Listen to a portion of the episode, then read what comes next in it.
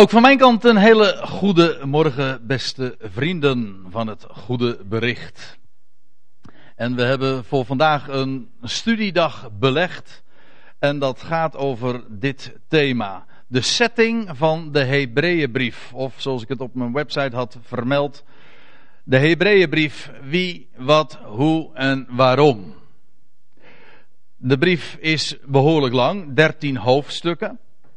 En het is natuurlijk ondoenlijk om daar ook maar enigszins een overzicht van te geven. Dat is ook helemaal niet het oogmerk van deze dag. Het gaat om de vraag: in wat voor context moeten we die brief lezen? Wat is de aanleiding? Wie zijn de geadresseerden? Wie is de schrijver? Dat soort vragen.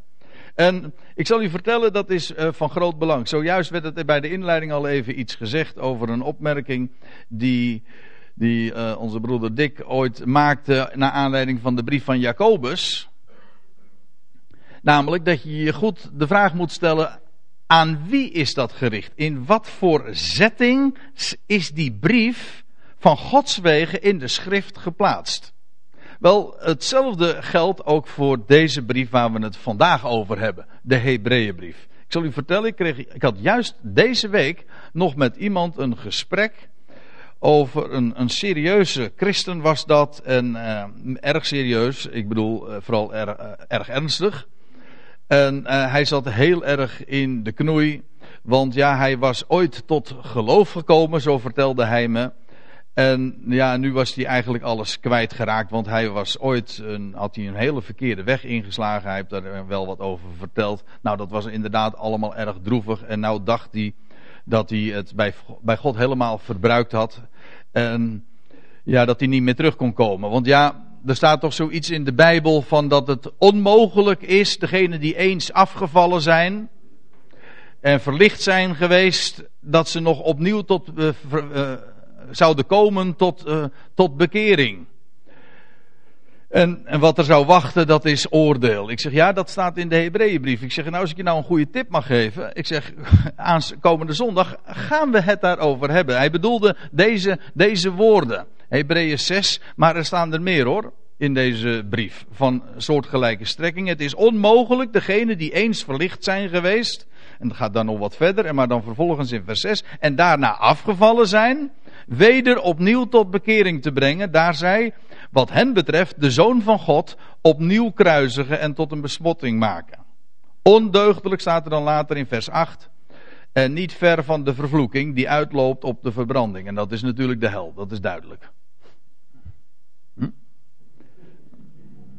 Ja, nou, zie daar het probleem.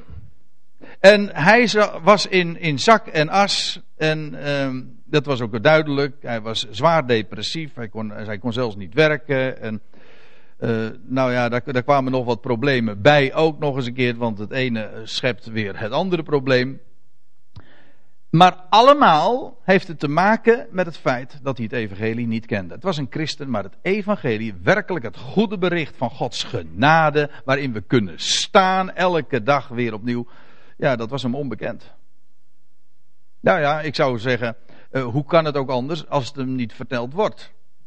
En, en, en dat is tragisch. Ik vind dat heel erg tragisch dat mensen die daar zo naar uitzien en die de Heer willen kennen, die in wezen zo gebukt onder die last door het leven gaan. Nou, ik hoop u daarmee in ieder geval te hebben aangegeven dat het van belang is om, om deze dingen werkelijk te verstaan.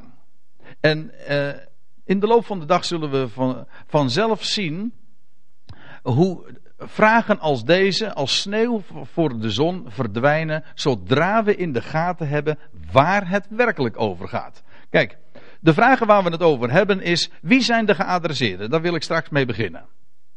En vervolgens, dat, ook dat wil ik vanmorgen nog behandelen. Wie is de schrijver? Dat is altijd een vraag die enorm tot de verbeelding heeft gesproken. Er is ook heel veel over gespeculeerd. Wie is de schrijver? Wanneer is de brief geschreven? Dat is inmiddels in de tweede bijeenkomst dat we dat onder ogen zullen zien. Wat is het doel van de brief? De aanleiding, het, de hele reden waarom deze brief is geschreven en tenslotte, maar niet als laatst, als minst belangrijke, integendeel, wat doet het ertoe? Nou, die vragen zullen vandaag zo passeren. En ook nu wil ik het gewoon systematisch aanpakken. Niet door bij Hebreeën 1 vers 1 te beginnen, maar wel door deze vragen gewoon stuk voor stuk te behandelen. En dat betekent dus dat we beginnen met de vraag van wie zijn de geadresseerden. Dat lijkt een heel overbodige vraag in eerste instantie. En dat zou ik ook zeggen, maar omdat er toch al nogal wat over te doen is, wil ik die vraag juist heel uitdrukkelijk uh, stellen. Kijk, men zegt van ja, de Hebreeënbrief. Uh, ja, aan wie is nou de Hebreeënbrief geschreven? Hm? Dat lijkt een open deur intrappen, want dat is nogal logisch, dat is aan de Hebreeën.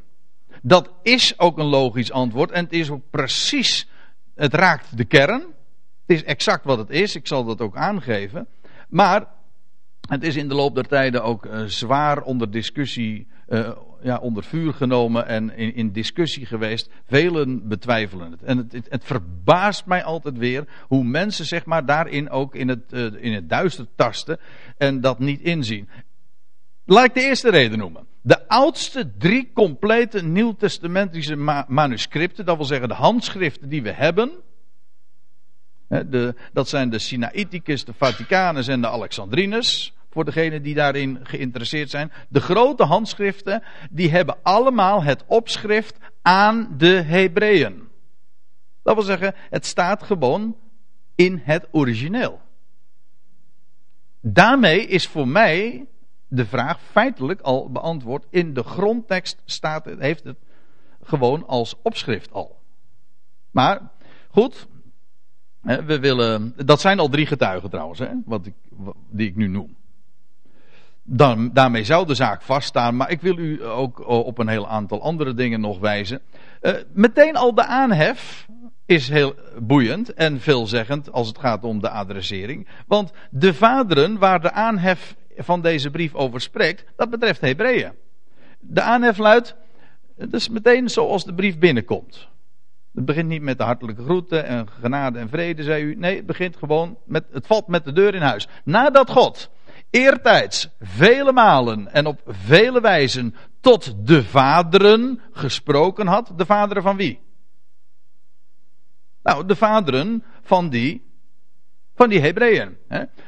In de profeten. Die profeten waren zelf Hebreeën, het volk van Israël. Laten we het even voor het gemak. Ik zal het straks nog wat preciezer invullen. Maar in elk geval het volk Israël. God heeft zijn woord aan Israël gegeven. En aan, aan dat volk gaf hij de profeten. Wel, en, en op vele wijze heeft hij tot de vaderen gesproken. En daarmee is in wezen al, al aangegeven ook dat het inderdaad Hebreeën, dat wat er op het opschrift heeft, uh, wat het opschrift zegt, exact meteen al in het eerste vers al bevestigd wordt. Ik kan nog wel een reden noemen. Het profetenwoord. De Heere zal zijn volk oordelen.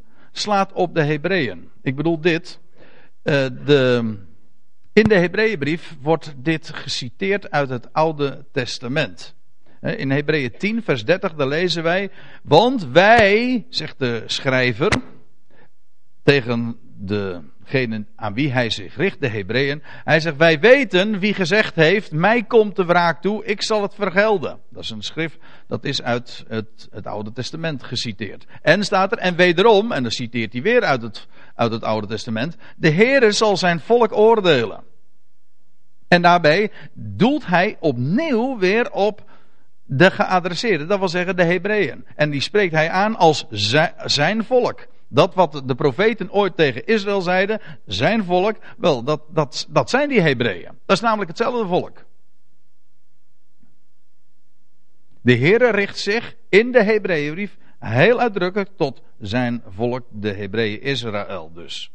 Um, de vierde reden, de lezers worden gewaarschuwd voor terugval in het Jodendom. Dat is heel duidelijk. Het, het, woord Jodendom komt niet voor, maar ik wil u wel een paar uh, redenen noemen waarin je dat ook duidelijk ziet. Hebreeën 6, ik citeerde zojuist al even uit dat hoofdstuk, maar even eerder in datzelfde hoofdstuk, daar lezen wij dat de schrijver, ik noem hem nu nog gewoon even de schrijver, straks zal ik dat eh, wat nader invullen. De schrijver, die zegt dan in vers 1 van Hebreeën 6 dus, laten wij daarom het eerste onderwijs aangaande Christus laten rusten. En wat is dat? Het eerste onderwijs dat ze hadden gehad aangaande Christus. Was dat het evangelie dat ze gehoord hadden van de opgestane Christus? Nee. Nee. Nee, dat was, dat was het Oude Testament. Dat wat, ze, wat een Jood wist over, over de Christus en over de Messias. Vanuit, vanuit Joondom, dat, eh, in, dat immers de Tenach uh, was toevertrouwd en dat leefde met de woorden Gods. Dat is dat, onder, dat eerste onderwijs aangaande Christus, dat is gewoon het Oude Testament. En dat blijkt ook wel, want als hij dan heeft over dat eerste onderwijs, dan gaat het helemaal niet over de opstanding enzovoort. Integendeel, er wordt helemaal niets over dat evangelie genoemd. Weet u wat er staat? Eh, het eerste onderwijs aangaande Christus, dat zouden we laten rusten. Hij zegt, en ons richten op het volkomene, zonder opnieuw het fundament te leggen. Wat is, bedoelt hij met dat fundament? Nou, dat, dat eerste onderwijs aangaande Christus. De Hebreeën hadden ooit dat fundament gehad. Die hadden de Tenach. En wat, wat stond daar allemaal? Nou, bijvoorbeeld bekering van dode werken. En geloof in God. Het Shema, denk maar aan dat wat een Jood elke dag zegt. Shema Israël. Hoor Israël, de Heer is onze God, de Heer is één. Geloof in God. Een leer van dopen. Let op het meervoud trouwens. Dopen. Niet één doop. Nee, dopen. Een, eh, het Jodendom en, en de Tenach kent vele dopen. Wassingen namelijk. Rituele wassingen. Daar gaat het over. De doop, de waterdoop, dat is maar niet iets van het, het christendom. Integendeel, maar dat heb ik eh, bij een andere gelegenheid hebben we dat wel eens gezegd. Ook eh, uit, uit de doeken gedaan. Namelijk dat de, de christelijke doop is helemaal geen waterdoop. Dat was de doop van Johannes. Johannes kwam, om te, die kwam dopen in water. Maar hij die na hem zou komen, die zou dopen in geest. Dat wil zeggen, dat is de echte doop. Dat is de echte christelijke doop. Maar goed, hier gaat het over een leer van dopen, van wassingen, rituele wassingen, waar het uh, Leviticus en Exodus en, en die boeken over spreken. Eh, dat, dat was allemaal dat eerste onderwijs aangaande Christus, dat een Jood, dat een Hebreeër had gehad, gewoon omdat hij het Oude Testament had. Een leer van dopen, van oplegging der handen. Ook dat was belangrijk. Bijvoorbeeld in de offerdienst, als de, als de handen gelegd werden, bijvoorbeeld op de kop van het offerdier. Oplegging van handen, van opstanding der doden. Dat wist een Jood ook, dat de doden zouden opstaan. En van eeuwig oordeel. Ja, ik, ik, ik weet dat uh, ook dat weer uh, misverstanden kan oproepen, maar er staat gewoon eeuwig oordeel. Ionisch oordeel. Dat wil zeggen oordeel in verband met de, de toekomende eeuw. Het heeft absoluut niet, maar daar ga ik het nu niet over hebben. En ik veronderstel dat eigenlijk in dit gezelschap ook als bekend. Het gaat hier helemaal niet over een eindeloos oordeel, want dat betekent eeuwig niet. Het betekent gewoon oordeel in verband met de eeuw. Als je eeuwig gewoon letterlijk neemt, dan begrijp je dat ook. Eeuwig is net, moet je net lezen als jarig. Zoals eeuwig verband houdt met eeuw, zo houdt jarig verband met jaar. Goed, dat is nu het onderwerp niet, maar een Jood wist ook dat. Over de opstanding der doden, geloof in God, eh, eh, wassingen, rituele wassingen, oplegging van handen. Maar ook hij wist van dat oordeel, dat gericht, dat zou komen. Dat wist hij allemaal. Nou, dat moesten ze laten rusten. Paulus doelt, eh, pardon, de schrijver die doelt hier op, op het Oude Testament. Het eerste onderwijs aangaande Christus, ja. Goed, dat is dus het Oude Testament en dat is opnieuw een bevestiging dat het inderdaad, dat het opschrift, namelijk aan de Hebreeën, volkomen terecht is. Alles in die brief laat zien dat het gericht is aan, aan de Hebreeën, aan het volk van God. Van ouds her. Trouwens, dat, zien we, dat, het, dat ze ook in deze brief worden gewaarschuwd om niet terug te vallen in het Jodendom, zien we ook op allerlei andere passages. Dat komt trouwens vandaag zo in de loop van allerlei andere uh, versen die ik laat zien, ook nog wel ter sprake. Maar heel expliciet zien we dat ook in Hebreeën 13, vers 9, waar de schrijver zegt: Laat u niet meeslepen door allerlei vreemde leringen, want hij noemt dat zo. Want het is goed dat het hart zijn, vast vindt, zijn vastheid vindt in genade. En niet in spijzen. Dat wil zeggen, in uh, het soort eten, in kosher eten. En dat waar het Jodendom grote nadruk op legt. Dat is niet waar het hart vastheid in zou vinden. De schrijver waarschuwt daar uitdrukkelijk voor. Dat, voor die terugval. Ook dat zullen we trouwens nog wel later zien. U moet zich trouwens daarbij realiseren dat als we het hebben over de Hebreeën, dat we praten over een enorm grote groep mensen. We zien dat in het boek Handelingen, dat daar in Jeruzalem in het bijzonder, dat was immers het centrum waar de tempel stond tot het jaar 70, maar ook daar zullen we het nog over hebben, dat uh, er velen in, onder het volk van Israël, onder het volk van de Joden, tot geloof waren gekomen in de Messias. We zien dat in Handelingen 21, vers 20. Daar lezen we, en zij, en daar gaat het over Jacobus en de oudste in Jeruzalem, u kunt het zo zelf ook nalezen. Uh, en zij loofde God toen zij dit hoorden, namelijk dat hele getuigenis van, van wat Paulus verhaald had. Want Paulus was in Jeruzalem namelijk gearriveerd en had verteld over wat er allemaal in de heidenwereld plaats had gevonden en, en wat uh, voor uh, dingen er gebeurd waren naar aanleiding van de boodschap die hij had uitgedragen. Nou, ze loofden God en toen ze dit hoorden en zeiden tot hem, Paulus dus, gij ziet broeder, hoeveel duizenden er onder de Joden gelovig zijn geworden en allen zijn zij ijveraars voor de wet. Dat is wel heel opmerkelijk hoor, wat daar staat. Daarom lag Paulus daar ook zo buitengewoon lastig in Jeruzalem.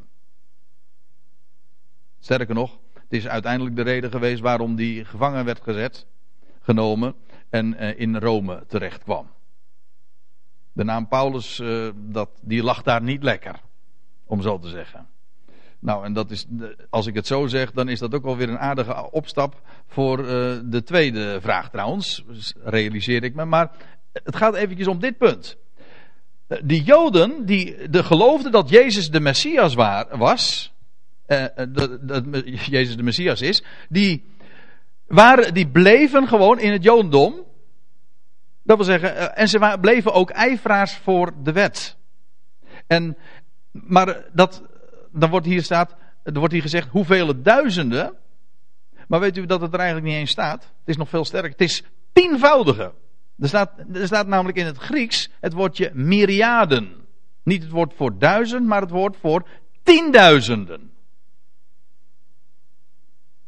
Dus daar moet je niet gering over denken. Er waren er onder dat volk, onder die Hebreeën, onder, de, onder het volk van de Joden, ik kom daar straks nog eventjes op terug, het, uh, waarom, wat, wat, wat het, de betekenis is van het woordje Hebreeën. Maar hij, er waren er vele tienduizenden onder de Joden gelovig geworden en ze waren allen ijveraars voor de wet. En wat ik u later ook nog in de, deze dag wil laten zien, is dat wat daar nu dreigde, ja, dat was de val van Jeruzalem, in, in, maar dat niet alleen. Maar wat daar dreigde is, doordat deze mensen, die vele tienduizenden die gelovig waren geworden, dat ze onder druk kwamen van hun overige volksgenoten en dat ze weer helemaal zouden terugkeren in het Jodendom en de Zoon van God opnieuw zouden bespotten en, en met voeten zouden treden. En compleet zouden terugkeren en dus daarmee het evangelie vaarwel zeggen. Dat was er aan de hand. Daar moet je niet gering over denken. Dus dat wat die, adres, uh, wat die geadresseerde betreft. Uh, het, is, het moet duidelijk zijn. En ook als ik die andere vragen nog uh, vervolgens ter sprake ga brengen, we zullen vanzelf alleen nog maar bevestigd worden in de vaststelling die je op voorhand al kan doen. Namelijk, het opschrift is al volstrekt duidelijk, namelijk gericht aan de Hebreeën. Maar de hele brief, het springt eigenlijk van elke pagina af van dit is inderdaad, we staan hier op Hebreeuwse bodem. Dit is, dit is gericht aan Joden. Nou, dat is één ding, de geadresseerde. Nou gaan we naar die andere vraag. Wie is de schrijver? Die vraag is uh, moeilijker. En die is moeilijker, waarom? Omdat de naam er niet voorbij staat. Nee, een heel eigenaardige brief. Hè, want een, een fatsoenlijke brief heeft een adressering.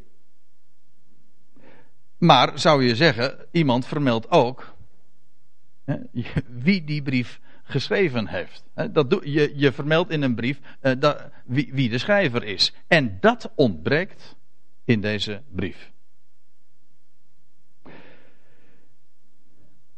En toch, ik ga u vertellen dat het niet zo moeilijk is om de hand van Paulus in deze brief te ontdekken.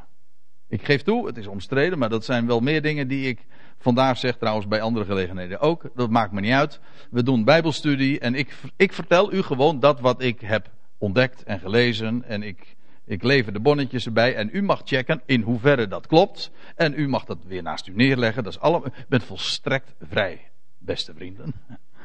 Ja. En, maar goed, het is niet moeilijk om de hand van Paulus erin te ontdekken. Ik zal u dan uh, als eerste reden daarvoor opgeven in de oudste Griekse manuscripten. En ik noem, uh, noemde zojuist al die, die namen van de Sinaiticus en de Alexandrinus en de Vaticanus. In de oudste handtek, uh, handschriften, manuscripten, wordt de brief niet zoals bij in onze Bijbel geplaatst na Filemon en voor Jacobus. Nee, dat is, de, dat is de, de ordening die later vanuit de Latijnse Bijbel, de Vulgata, is toegepast. Maar die hebben de, de oorspronkelijke Griekse grondtekst veranderd. In de oorspronkelijke Griekse manuscripten staat de brief van aan de Hebreeën tussen Paulus' brieven in. En wel tussen, niet na Filemon en voor Jacobus, maar gewoon ergens tussen, de, tussen 2 Thessalonica en 1 Timotheus. Dat is de eerste hint. Dan hoeft de schrijver zijn naam niet te vermelden. En ook daar komen we op. Waarom vermeldt de, schrijver zijn naam niet? Waarom is hij anoniem? Ja, nou, dan, daar is ook een goede reden voor. In, wezen heb ik hem al genoemd hoor. Maar laten we, laten we nog eventjes verder gaan. Het eerste is dus dat hij in de oorspronkelijke manuscripten, de brief aan de Hebreeën, gewoon tussen Paulus, uh, tussen Paulus brieven is geplaatst. Dat is, dat is reden 1. Waarom de schrijver toch niet moeilijk te herkennen is. Eh, dat het niet moeilijk is om eh, de schrijver te herkennen en te zien dat het inderdaad Paulus moet zijn geweest. We weten trouwens eh, dat hij niet, de schrijver die hoorde niet bij de directe discipelen. Dus het is uitgesloten dat het een, een, een, iemand als Jacobus of Petrus of Johannes zou zijn geweest. We lezen in Hebreeën 2 en deze tekst zal ik later in de dag nog een keer citeren, maar voor een, om een andere reden. Maar daar, staat, eh, daar wordt gesproken over een heil dat allereerst verkondigd is door de Heer. De Heer Jezus gaat het hier over. En door hen die het gehoord hebben, de, de discipelen. En op betrouwbare wijze ons is overgeleverd. Met andere woorden, de Hebreeën zelf. Uh, waren een tweede generatie. Dat is één ding. Maar waar het me nu even om gaat. Ook de schrijver sluit zich daarbij in. Hij hoort niet bij degene die het direct van onze heren hebben gehoord. Hij was geen ooggetuige. Hij heeft Christus naar het vlees niet gekend. Hebt u hem? Ja. Het is hem, de dingen die Jezus gesproken heeft op aarde, het is hem ook ter, ter oren gekomen door overlevering. Dat wil zeggen, het is hem verteld. Uit, dus uit tweede hand. Goed. Nee, ik moet het goed zeggen. Hij, had het uit, hij kreeg het uit eerste hand. Hè, maar hij was zelf de, de, iemand die het ook maar had gehoord. Dat wat Jezus hier op aarde verteld en gedaan had.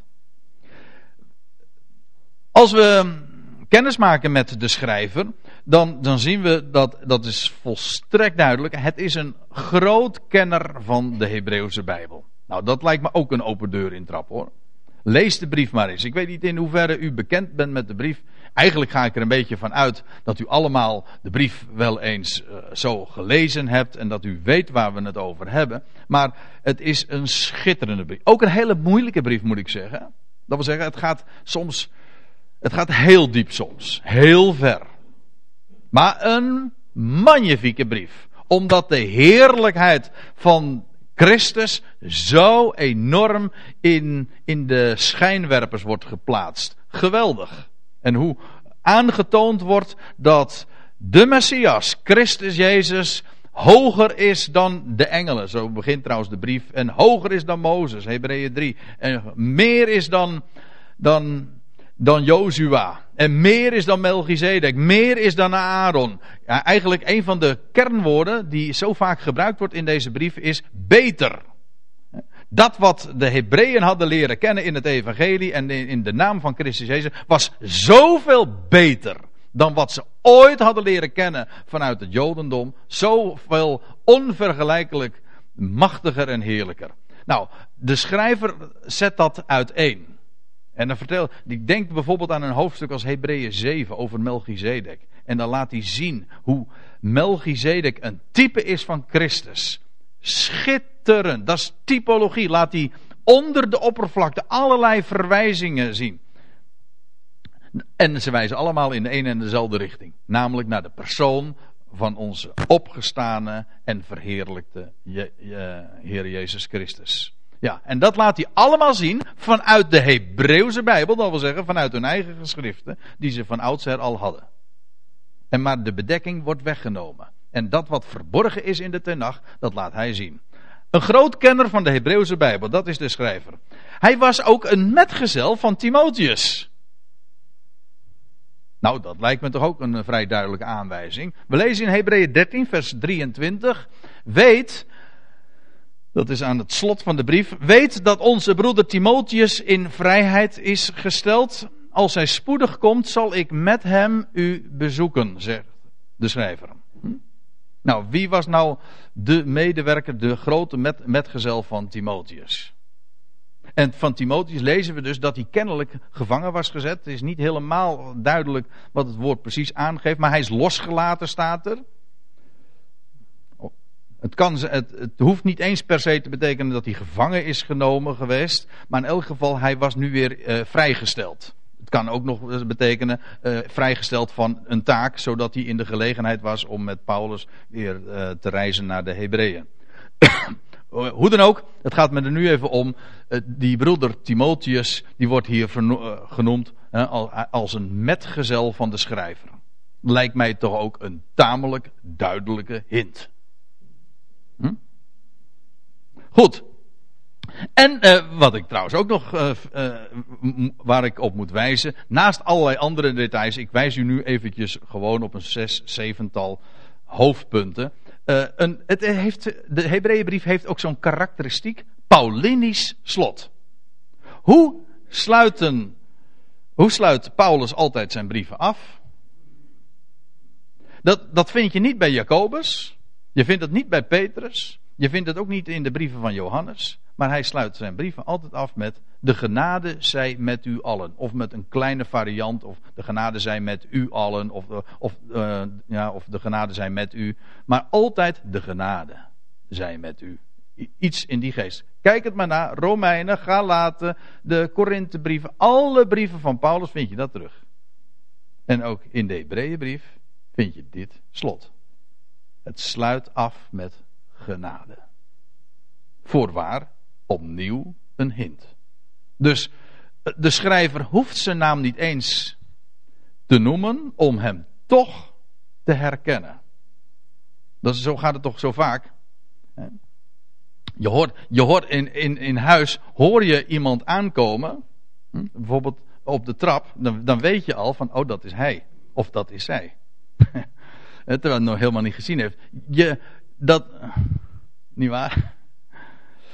Ja, er zitten hier huisgenoten. We hebben het er wel eens een keer over.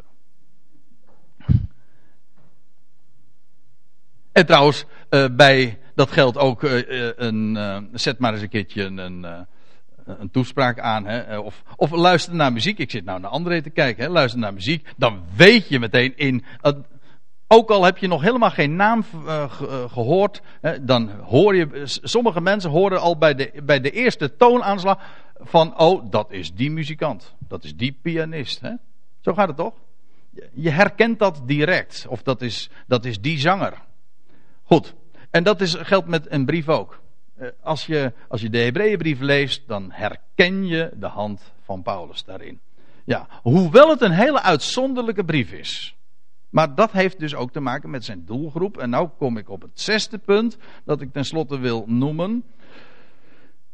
Volgens, en dat is een gegeven, ik wijs daar nu op, maar dat is een gegeven waar eh, gedikwijls aan voorbij is gegaan. En daarom wil ik er nu graag eens een keertje een vette streep onder zetten. Volgens 2 Petrus 3, vers 15. Volgens Petrus dus. En u vindt het in zijn tweede brief, hoofdstuk 3, vers 15. Zo moet ik het eigenlijk zeggen. Schreef Paulus een brief ooit aan de besnijdenis. We lezen daar in dat bewuste vers dit. Daar schrijft Petrus over de langmoedigheid van onze heren, over het uitblijven van de terugkeer. En Petrus die, die waarschuwt daar al voor. En die zegt van dat gaat veel, gaat veel langer duren dan dat we ooit gedacht hebben. U moet zich realiseren, toen leefde men met het idee van ja, in die generatie zou het allemaal gebeuren. Nou, maar dan zegt, de heer, dan zegt Petrus ook van, maar de Heer vertraagt de belofte van zijn komst niet hoor. Al zijn er die aan talmen denken. Nee, de Heer is langmoedig. En hij zegt, maar dit ene mag u niet ontgaan, dat voor de Heer één dag is als duizend jaar en duizend jaar als één dag. Ja, waarom niet nou twee, twee keer over een dag heeft en twee keer over duizend jaar, dat is een verhaal apart. Maar dat is ook niet zo moeilijk hoor, om dat, om dat te beantwoorden. Maar het gaat er eventjes om dat als hij dat dan vervolgens uiteenzet, dan, dan, dan eindigt hij met, met, dit, met deze opmerking. Eigenlijk zegt hij van als je wat meer wil weten over die langmoedigheid van onze Heer, dat wil zeggen het uitblijven van zijn terugkeer. Als je daar meer over wil weten, dan moet je bij Paulus wezen. Houd de langmoedigheid van onze Heer voor zaligheid. Voor redding betekent het eigenlijk. Zoals ook onze geliefde broeder Paulus. Met wie die trouwens uh, ooit wel eens uh, nog wat aan de stok heeft gehad hoor. Want die hebben, twee hebben uh, lijnrecht tegenover elkaar gestaan. Men lezen Galaten 2. Ik, ik weerstond hem openlijk, zegt Paulus over, over Petrus. Ja, Pieter. ja, nou goed. onze geliefde broeder Paulus, ja naar de hem, hij, hij schrijft, houd, die langmoedigheid voor zaligheid, zoals ook onze geliefde broeder Paulus, prachtig zoals hij dat aan het eind van zijn leven dan toch vaststelt, naar de hem gegeven wijsheid, u geschreven heeft. Aan wie richtte Peter zich? Nou, we lezen dat al in, in, ja, sowieso weten we al, ook datzelfde gelaten 2 waar ik net naar verwees, daar weten we, Petrus was de apostel van de besnijdenis.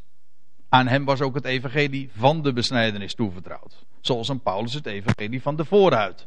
Maar los daarvan, ook we lezen al in 1 Petrus 1 dat hij zich richt tot de vreemdelingen in de diaspora. Dat wil zeggen aan de Joden, aan de vele Joden, want ook toen al woonde de meerderheid van de Joden niet in het land, maar daarbuiten. Dat wil zeggen in de verstrooiing, in de diaspora.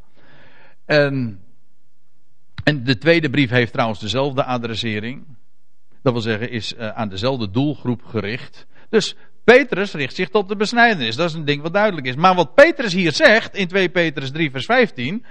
Onze geliefde broeder Paulus heeft naar de hem gegeven wijsheid u daarover geschreven.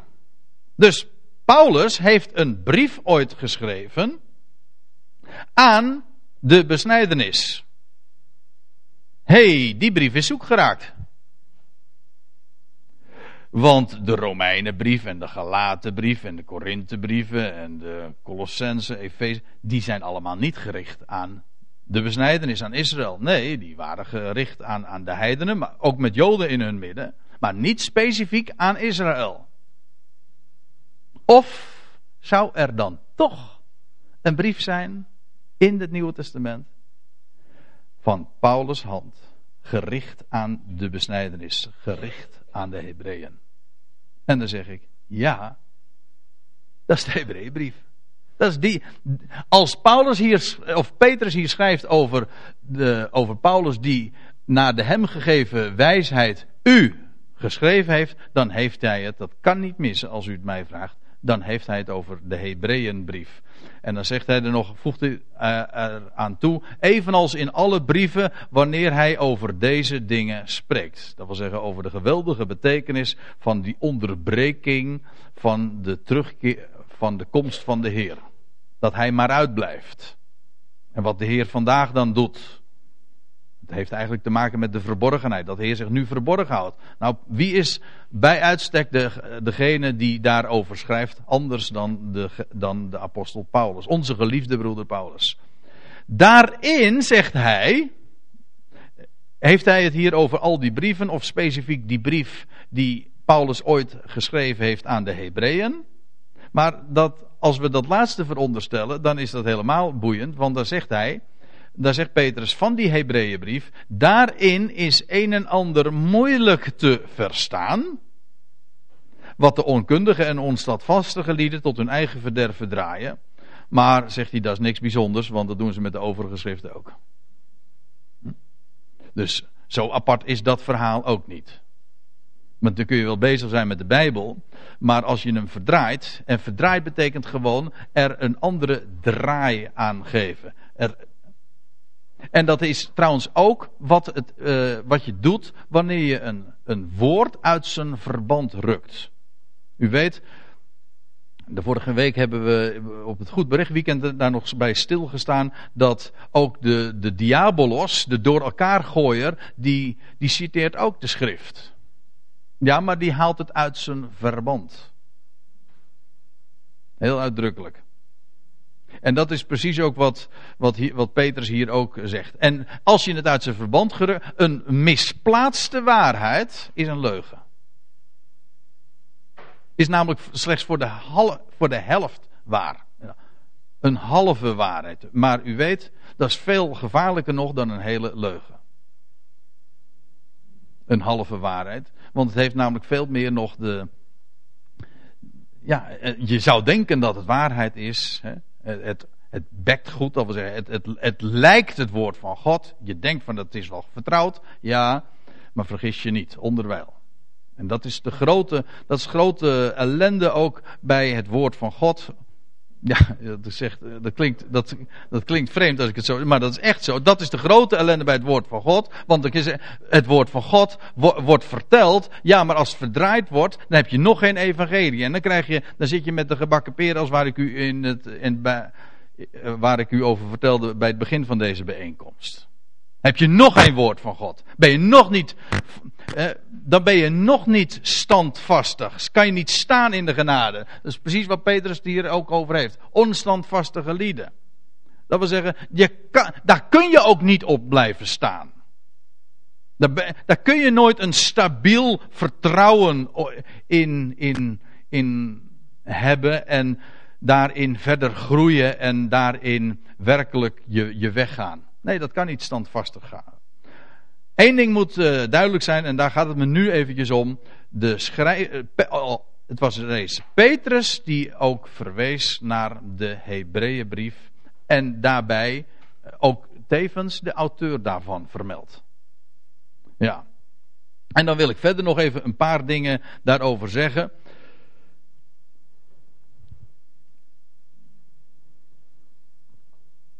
Paulus was zelf een Hebreeër.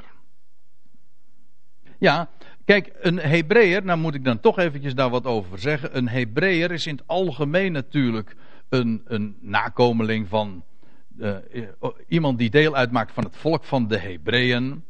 En de eerste, de eerste die dat was, de Hebreeën, dat komt van Heber. Dat was een voorvader van Abraham. Ja. Het volk van de Hebreeën. Maar het, eigenlijk betekent het een volk van de andere kant. Hebreeuws betekent ook een taal, de taal van de andere kant. Hebreeër werd later gewoon een aanduiding van iemand die Hebreeuws sprak. Dat zie je in het eh, Nieuwe Testament ook nog heel duidelijk. Sla Handelingen 6 maar eens op. En dan lees je dat er een conflict was in de gemeente van Jeruzalem. Tussen de Hebreeën en de Grieksen. Ja, er staat in uw vertaling Grieks sprekende, maar er staat eigenlijk gewoon de Grieksen. Want het was namelijk niet alleen maar een taalverschil tussen de beide groepen. Het was in feite ook een cultuurverschil. Je had de, je had de Hebreeuwsen, de Hebreeën, die spraken Hebreeuws, de taal ook van de Tenach of Aramees. Die spraken de taal van de, van de Hebreeuwse eh, Bijbel. En je had ook de Grieksen, de Hellenisten staat er eigenlijk. De Hellenisten, dat wil zeggen de Grieksen, die al die de taal van het Hebreeuws niet machtig waren. En ook een Griekse cultuur, dat wil zeggen verregaand beïnvloed ook door de Griekse cultuur.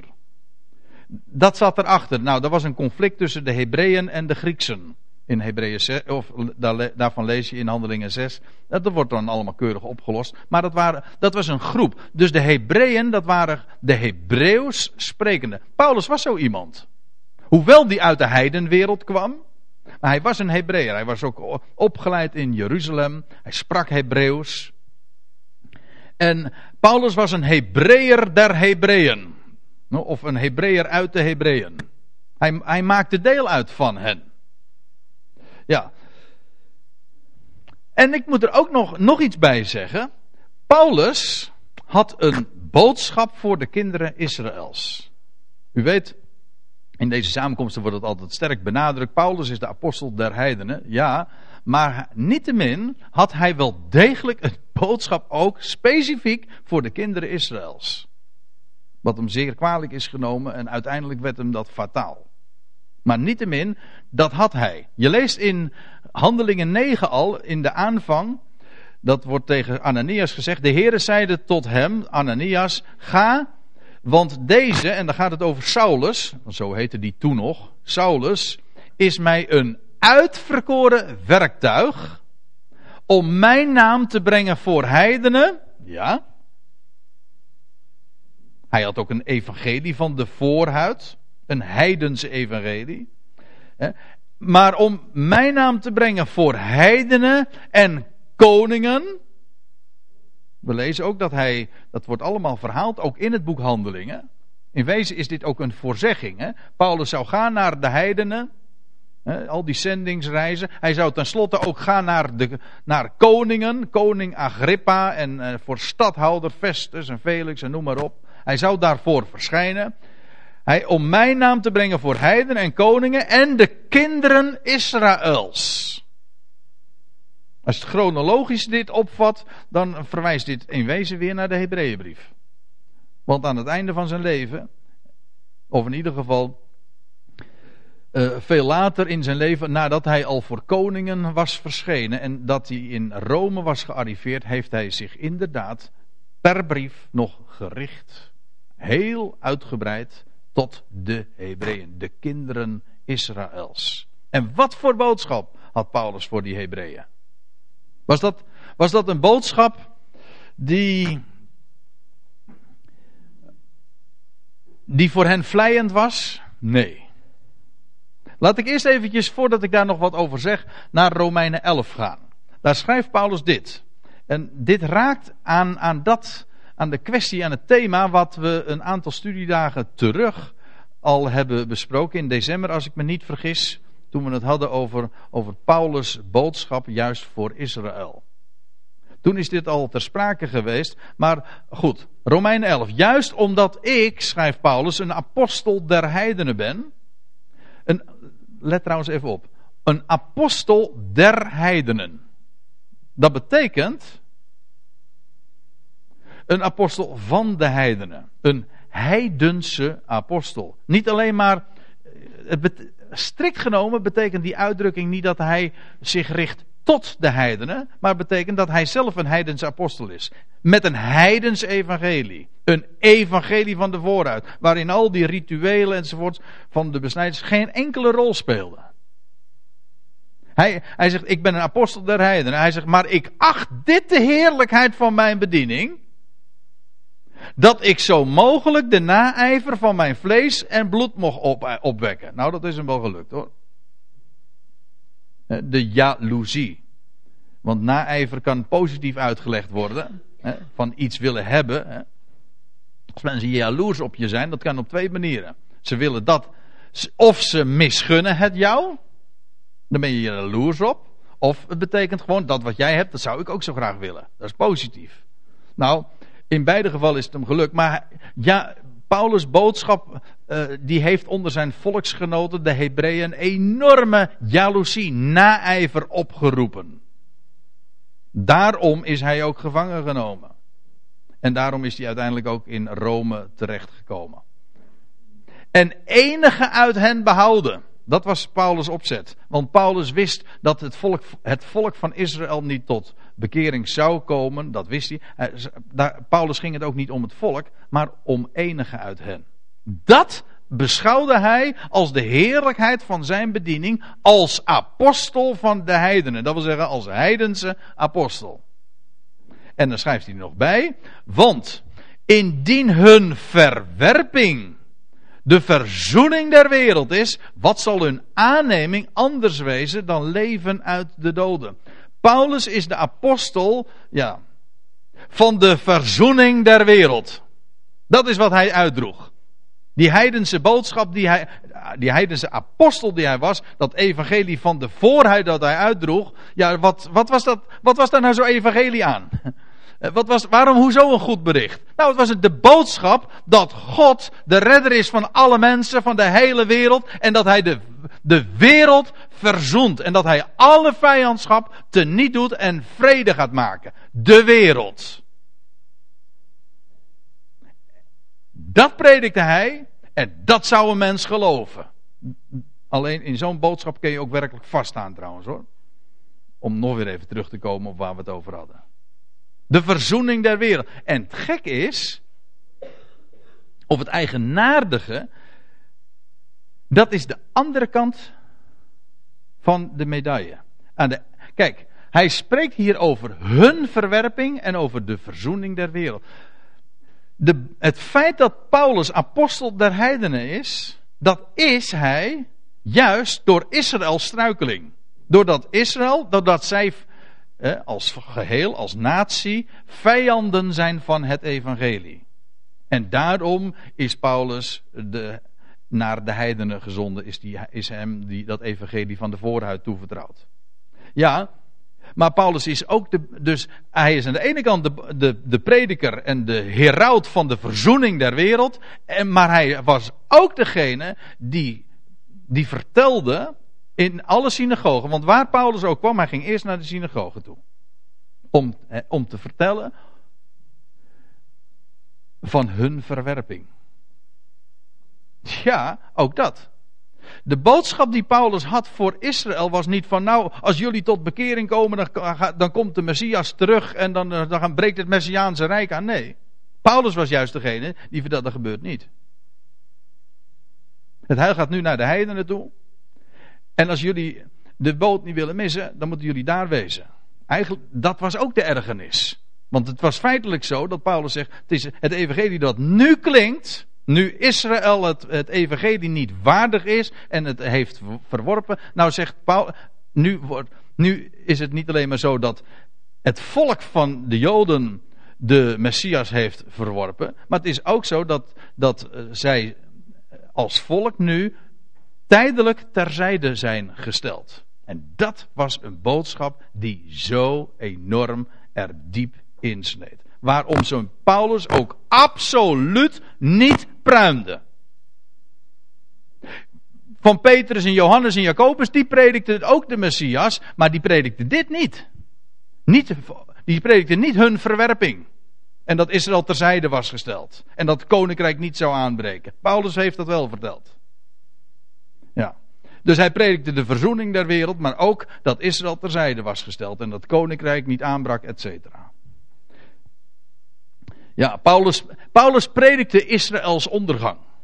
Nou, dat is niet aangenaam hoor. Als je dan naar de synagoge gaat en, eh, en je gaat dat vertellen. Weet je wat hij bijvoorbeeld zei? In Handelingen 13.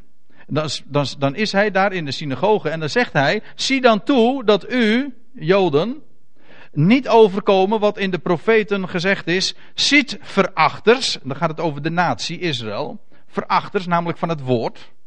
Ziet en verwondert u. En zegt hij, en verdwijnt.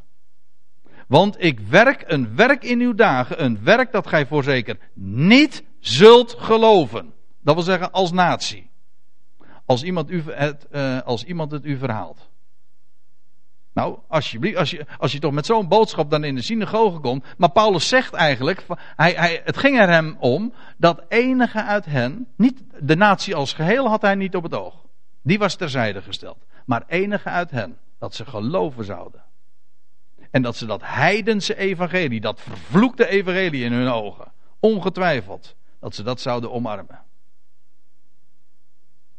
Ja, maar wat hij aan de natie als geheel vertelde van, ja, jullie zijn, jullie verachten het woord. Hij zegt, en wat er overblijft is verwondering, verbazing.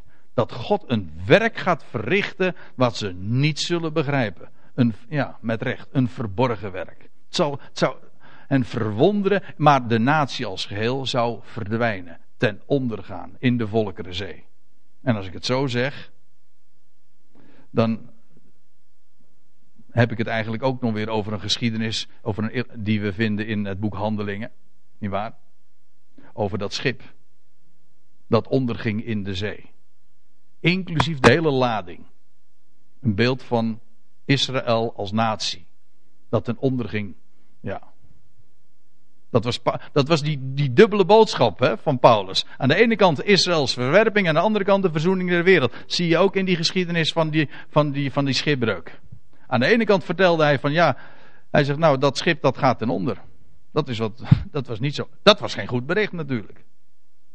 Maar hij zei, geen haar zal van jullie gekrenkt worden. Jullie komen allemaal behouden aan.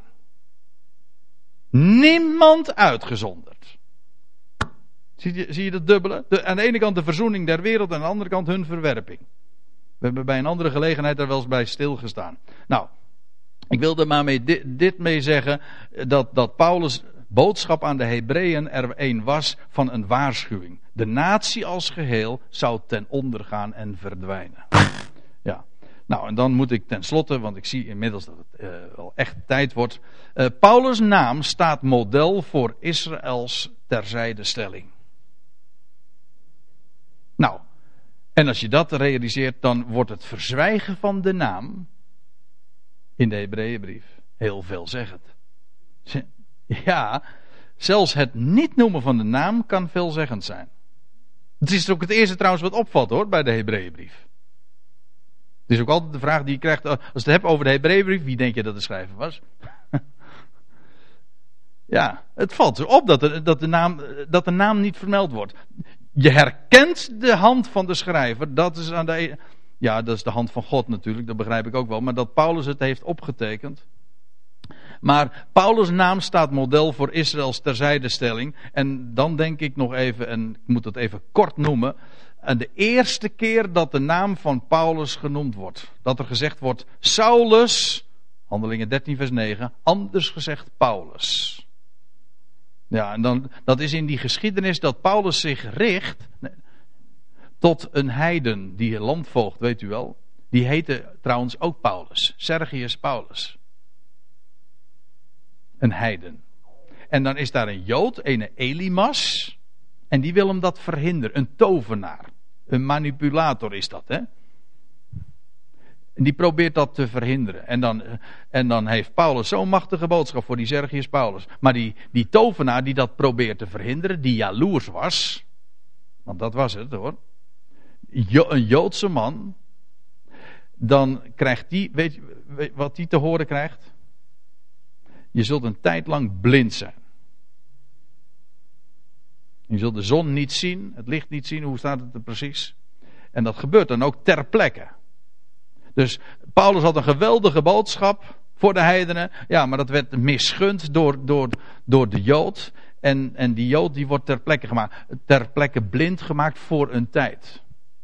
Het is, een, typologisch. Dat, dat moet toch zo klaar als een klontje zijn. Maar die Elimas staat inderdaad voor het ongelovige Israël. Maar waar het nu even om gaat, als er dan staat van. En Saulus, anders gezegd, Paulus, die richtte zich tot Elimas en zegt van. Gij, gij.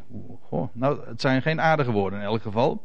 Ik ben even kwijt wat hij precies zegt. Maar in elk geval, dan zegt hij hem ook het oordeel en de verwerping aan. Nou, daar staat de naam Paulus voor. Saulus, of de naam Paulus houdt daarmee verband. De naam Paulus, ik zei het al, die lag niet lekker bij de Hebreeën. Alle reden om die naam niet te noemen. Het was heel uitzonderlijk. Paulus richtte zich tot, tot een ieder, tot alle mensen. En het was niet zijn bediening op zich om zich te richten tot Israël. Dat was heel, een heel uitzonderlijk verhaal. De Hebreeënbrief neemt daarom een hele aparte plaats in. En dat, is alle, dat zijn allemaal en even zoveel redenen voor het niet vermelden van de naam. Nou, daarmee hebben we de eerste twee vragen in elk geval beantwoord. En ik stel voor dat we dan vanmiddag verder gaan met de datering van de brief. Het waarom van de brief, het doel van de brief en vooral ook wat het ter zake doet. Dus eigenlijk komt het erop neer dat de belangrijkste dingen nog besproken moeten worden. Ja, dus dat betekent dat we nu eerst gaan pauzeren, stel ik voor. Nee, we gaan niet eerst pauzeren, we, staan, we zingen eerst nog een lied. Ja. Wellicht kunnen we de pauze eh, een kwartier verlengen. Eigenlijk komt het erop neer dat we de tweede samenkomst gewoon een kwartiertje later maar zullen aanvangen, want het is allemaal wat later geworden. Staande op de belofte, ja.